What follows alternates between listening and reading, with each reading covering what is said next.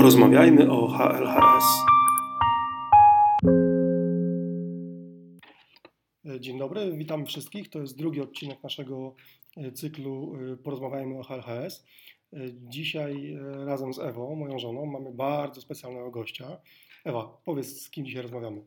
Mam wielką przyjemność przedstawić doktora Tomasza Mroczka z Kliniki Kardiochirurgii Dziecięcej w Szpitalu Uniwersyteckim Krakowie-Prokocimiu. Witamy Panie doktorze. Witam serdecznie, bardzo dziękuję za zaproszenie. Cieszę się, że będziemy mogli porozmawiać na ten temat. O czym będziemy? Jestem tak podekscytowany tą możliwością porozmawiania z Panem, że, że aż, aż, aż boję się, że tematów mamy więcej niż, niż czasu, który na, na tą rozmowę mamy. Ale co, rozmawiamy dzisiaj tak naprawdę o tym, mm, o leczeniu dzieci z, z hipoplazją lewego serca? E, tak. Może zacznijmy od e, diagnozie o diagnozie prenatalnej. Dlaczego tak ważne jest, żeby wiedzieć wcześniej, że dziecko nasze ma wadę serca? Mamy to szczęście, że w ogóle możemy rozmawiać już w tej chwili e, o diagnostyce prenatalnej, czyli o rozpoznaniu wrodzonej wady serca, zanim jeszcze dziecko się urodzi. E, w tej chwili, przynajmniej w naszej klinice, nie znam wszystkich statystyk w Polsce, innych klinik, przynajmniej 60% mm, dzieci z taką wadą jak zespół niedorozwoju lewego serca jest zdiagnozowanych prenatalnie, to znaczy przed urodzeniem.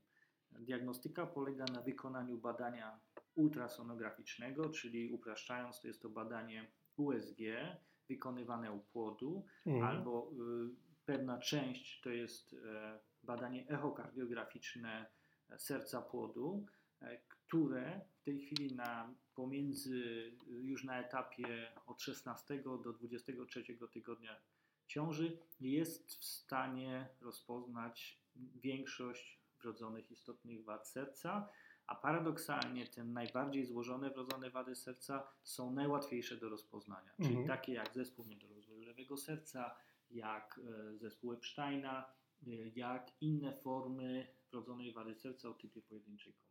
Trudniej jest rozpoznać na przykład mały ubytek przegrody międzykomorowej, ubytek przegrody międzyprzedsionkowej, natomiast niemożliwe jest rozpoznanie przetrwałego przewodu tętniczego, dlatego że trwały przewód tętniczy e, jest e, częścią tak zwanego krążenia płodowego, mhm. czyli zawsze jest drożny albo prawie zawsze jest drożny w okresie e, ciąży, a dopiero taką wadę możemy rozpoznać mhm. po urodzeniu. Ale my, my, nie mówimy o zwykłym badaniu USG, mówimy o tych badaniach rozszerzonych. Tak?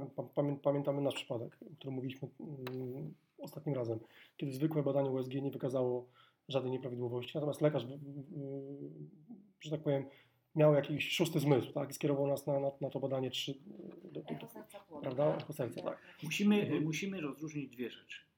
E, pierwszy, pierwszy etap to jest badanie wykonywane przez położnika. W mhm. tej chwili mm, nie wyobrażam sobie, że kobieta będąca w ciąży nie jest badana przez położnika. Immanentną częścią badania płodu, badania sonograficznego jest ocena serca. Mhm. E, I przynajmniej podstawowe skany, to znaczy ocena tego, czy serce ma dwie komory prawidłowo rozwinięte, czy nie, musi wykonać położnik. Nie, nie musimy wymagać od położnika na obecnym etapie tego, żeby stawiał rozpoznanie, jaka to jest wada, czy jest wada. Wystarczy, że e, wysunie podejrzenie obecności wrodzonej wady serca Jasne. u płodu. Dopiero w drugim etapie położnik może skierować, e, czy powinien skierować kobietę, mamę będącą w ciąży do mm, lekarzy, kardiologów specjalizujących się w echokardiografii płodowej. I na szczęście w tej chwili mamy już grupę wybitnych kardiologów prenatalnych w Polsce. Mówię to z pełną odpowiedzialnością. To są naprawdę na światowym poziomie mm, Lekarze. Chciałem powiedzieć ludzie, ale akurat to są panie. Mówimy to, mówimy, to, mówimy to w przeddzień e, Święta Kobiet, tak, tak żeby nas nie, słuchaczki się nie... Akurat, akurat w tej dziedzinie dominują panie, Jasne. zarówno w ośrodku e, warszawskim, łódzkim e, i krakowskim. I to trzeba nadmienić, że znakomite panie, tak? To są, to są Mówię to z pełną odpowiedzialnością, wykonują badania absolutnie na światowym poziomie. A proszę mi powiedzieć, są głównie te trzy ośrodki, bo właśnie... A czy znamy, czy znamy nazwiska, nazwiska pań? Bo pani docent Jest Dangel. pani profesor Dangel, mhm.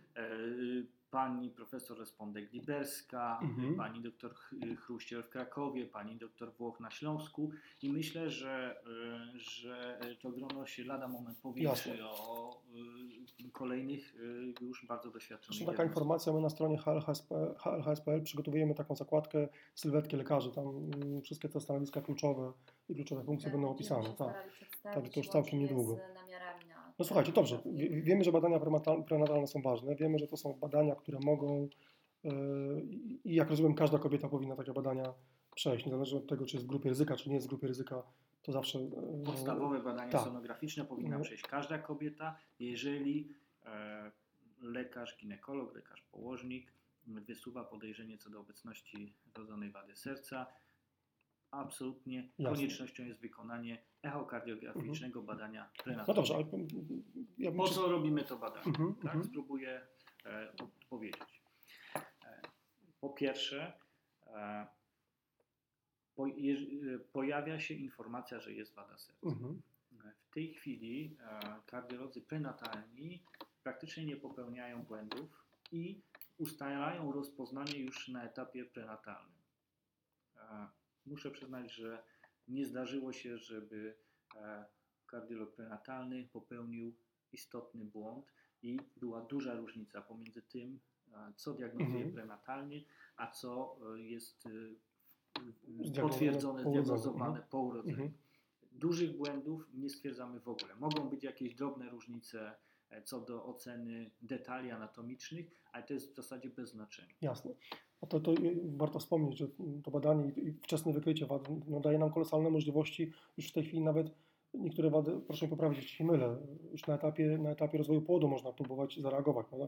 W przypadku niektórych E, mhm. Jest y, od bodajże od 3 czy 4 lat możliwość interwencji prenatalnej w Mhm. ośrodku warszawskim Mhm. y, i nad interwencjami prenatalnymi, e, y, czy tymi interwencjami zawiaduje profesor Dangel, Mhm. mm, z którą zresztą wspaniale współpracujemy. Mhm. Mm, I możliwe są e, interwencje prenatalne. O ile e, wiem, akurat pani profesor, z którą próbowałem się skontaktować, jest na urlopie, ale takich interwencji wykonano w Polsce już Mhm. chyba 40, jeśli nie więcej. Ja pamiętam y, pytanie jednej z- naszych y, czytelniczek, która gdzieś wyczytała, że podobno można już próbować lewą komorę, która się y, nie, dokształ- nie wykształca, można próbować ją balonikować. Nie wiem, czy używam poprawnego sformułowania, próbować ją rozwinąć. Nie wiem, czy pan doktor to potwierdzi, czy... A muszę pewne rzeczy tu zweryfikować. Mhm. Otóż mm, ta idea y, interwencji prenatalnych, która powstała początkowo w, w Londynie, ale bez, jakiejś, bez, jakiejś, bez jakiegoś powodzenia, później została rozwinięta bardzo mocno przez ośrodek bostoński. Mhm. I ośrodek bostoński wykonuje, wykonał do tej pory chyba najwięcej na świecie. Ośrodek bostoński to jest ten ośrodek, w którym leczył y, doktor Norwood, prawda? Jeżeli... Nie, nie, nie. Doktor Norwood, y, doktor Norwood był szefem rezydentu w Bostonie, ale później operował w szpitalu w Filadelfii. Children's Hospital of Philadelphia, operował również w Genewie i później w Wilmington w stanie Delaware w Stanach Zjednoczonych. Okej. Aczkolwiek zawsze, zazwyczaj powołujemy się w różnych badaniach, doniesieniach na dwa ośrodki amerykańskie, e, na bostoński i filadelfijski, Mhm. ponieważ są to mm, naprzemiennie najlepsze ośrodki w ogóle pediatryczne w Stanach Zjednoczonych, a co za tym idzie bez większego błędu, możemy powiedzieć, że są to dwa najlepsze ośrodki Mhm. pediatryczne na świecie. Mhm. No i, wracając do tego balonikowania, tak... Mhm. Wracając do bal- balonikowania, powstała taka idea, że zespół niedorozwoju lewego serca jest, e, powstaje wtórnie do wady zastawki aortalnej. Powstała koncepcja, że jeżeli zlikwidujemy zwężenie zastawki Mhm. aortalnej, poprawimy w okresie życia płodowego przepływ przez lewą komorę, to doprowadzimy do lepszego rozwoju tej lewej komory. Inaczej mówiąc, zapobiegniemy powstawaniu niedorozwoju lewego, lewej komory czy zespołu niedorozwoju lewego serca. Mhm. Jak z każdą metodą no, bywa, na początku był hura optymizm i duże nadzieje związane e, z tą metodą. Niemniej jednak już w tej chwili wiemy, że mm, to nie jest tak To nie jest takie proste, rozumiem. Mhm. E, I sam wykonanie plastyki balonowej prenatalnej zastawki aortalnej nie zapobiega, mm, nie zapobiega Wadzie. wadzie Mhm. e, obciążone jest pewnym ryzykiem. I w tej chwili no, zaczynam się zastanawiać, co zmienić, kiedy podjąć taką interwencję, e, jaką interwencję, być może również na zastawce dwudzielnej, czyli zastawce mitralnej, e, żeby zapobiec zespołowi niedorozwoju lewego serca. W tej chwili, gdy rozmawiałem z panią profesor Dangel, mm, twierdzi, że jednym z widocznych efektów plastyki balonowej zastawki aortalnej jest większy rozmiar aorty wstępującej po urodzeniu dziecka. Czyli to też rokuje pomyślni później w etapach kolejny, kolejnych etapach leczenia. To E, Ma to wpływ, e, by, może to mieć wpływ, Mhm. niekoniecznie musi, ale może to mieć wpływ, ułatwić z technicznego punktu widzenia e, wykonanie pierwszej operacji, e, czyli operacji sposobem. Ja na moment od, od, odbiegłbym od, od głównego nurtu tego naszego wywiadu. Pojawiły się pytania, y, czy HLHS to, to jest wada genetyczna. Czy są już jakieś doniesienia, które potwierdzają albo zaprzeczają tej, tej, tej teorii? Jakie jest Pana zdanie w tej Mm, Pojawia się coraz więcej, Mhm. pojawia się coraz więcej doniesień, które jednak sugerują tło genetyczne. Mhm. Wykonywano pewne badania urodzin a, dzieci, które rodzą się z zespołem niedorozwoju lewego serca i w każdej z tych rodzin wykazano a, wady zastawki aortalnej, Mhm. niekoniecznie bardzo nasilone, czasami w tak zwanej formie poronnej, czyli y, o niewielkim stopniu nasilenia, ale w każdej z tych rodzin e, stwierdzono osobników czy, czy przodków Mhm. e, z wadą zastawki aortalnej, co sugeruje, że y, znaczy może potwierdzać, czy, czy potwierdzać tę teorię, że Mhm. Zespół niedorozwoju lewego serca rozwija się wtórnie do wady zastawki aortalnej, ale nie do końca. Być może, że, e, być może, że dalsze badania to wyjaśnią, tym bardziej, że te czynniki genetyczne są coraz bardziej podkreślane. W tej chwili zidentyfikowano już ponad 40 genów, które mogą być odpowiedzialne za powstawanie wrodzonej wad serca. Mhm. To są absolutnie najnowsze doniesienia. Jeszcze 4-5 lat temu mówilibyśmy o trzech genach, e, a mm, dosłownie dwa lata temu była taka eksplozja doniesień Mhm. genetycznych, które ukazały się w, w najlepszych y, czasopismach y, medycznych, w Nature, w Lancet, Mhm. e, w Science, m, które e, publikowały badania m, sugerujące właśnie związek z, z czynnikami genetycznymi. Niesamowite. No, ja pamiętam mm, w 2009 roku, kiedy myśmy e, naszego Antka rodzili, to wtedy mówiono, mówiono znaczy genetykę znaczy właściwie wyeliminowano. No, mówiono o wirusie, mówiono, o czymś, co być może wirus opryszczki, o ile dobrze pamiętam, prawda? Wtedy wchodził w grę.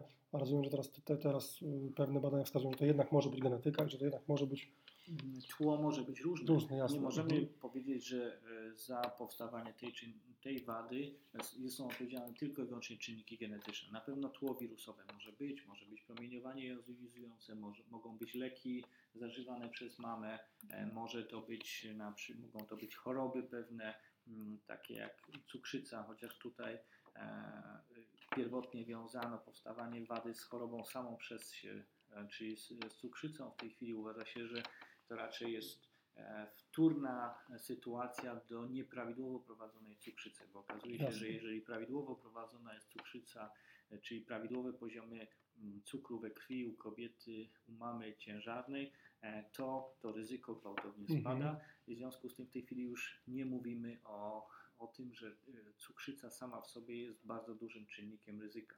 E, Są nowe obserwacje, które sugerują, że jeżeli u mamy jest otyłość i e, nie mamy cukrzycy, ale mamy tendencję do hiperglikemii, czyli Mhm. podwyższonego poziomu glukozy, to jest to takie sam, samo ryzyko urodzenia dziecka z wadą serca, jak u mamy, która ma e, cukrzycę albo tak zwaną e, cukrzycę ciężarną. Nieprawdopodobne. Słuchajcie, żeby iść trochę zgodnie z planem y, dyskusji, którą mieliśmy. Ja, E, Jeszcze, żebyśmy nie przeoczyli e, jednej rzeczy. E, Jeśli chodzi o interwencje prenatalne, mówiliśmy o plastyce balonowej zastawki aortalnej, ale możliwa też jest e, plastyka otworu owalnego. Mhm. Są sytuacje u dzieci z zespołem do rozwoju lewego serca, gdzie mamy bardzo małą komunikację międzyprzeciągową, czyli bardzo mały otwór w przegrodzie międzyprzeciągowej. I To jest bardzo duży czynnik ryzyka e, już później w okresie po urodzeniu. Mhm. Jeżeli ubytek przegrody międzyprzeciągowej jest niedrożny, to szansa e, na uratowanie takiego dziecka e, Mhm. gwałtownie maleje. I to, co można zrobić, to można mm, prenatalnie e, poszerzyć otwór owalny lub wręcz wprowadzić mały stent, czyli Mhm. siateczkę. Czyli Stent te- czy taka rurka, ja będę próbował trochę uprościć, y, bo słuchają nas ludzie, którzy czasami nie mają y, Jeszcze y, wiedzy. Stent, rozumiem, to jest taki fragment.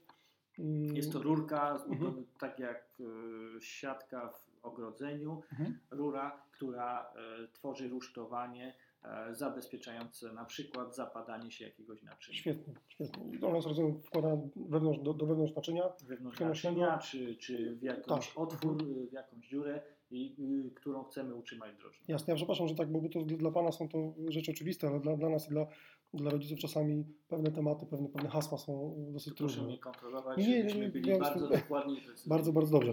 Ja jeszcze przy okazji się spytam, co generalnie w trakcie, bo y, rozumiem, kardiolog prenatalny robi echo serca, tak?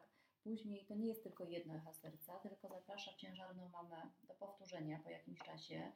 To jest kilka takich badań. I co w trakcie tych badań, jakie parametry monitoruje kardiolog, tak? Jest y, w tej chwili kardiolodzy wypracowali pewien e, schemat e, badania, ale z punktu widzenia kardiochirurga najważniejsze jest to po pierwsze, czy rzeczywiście mamy do czynienia z niedorozwojem lewej komory.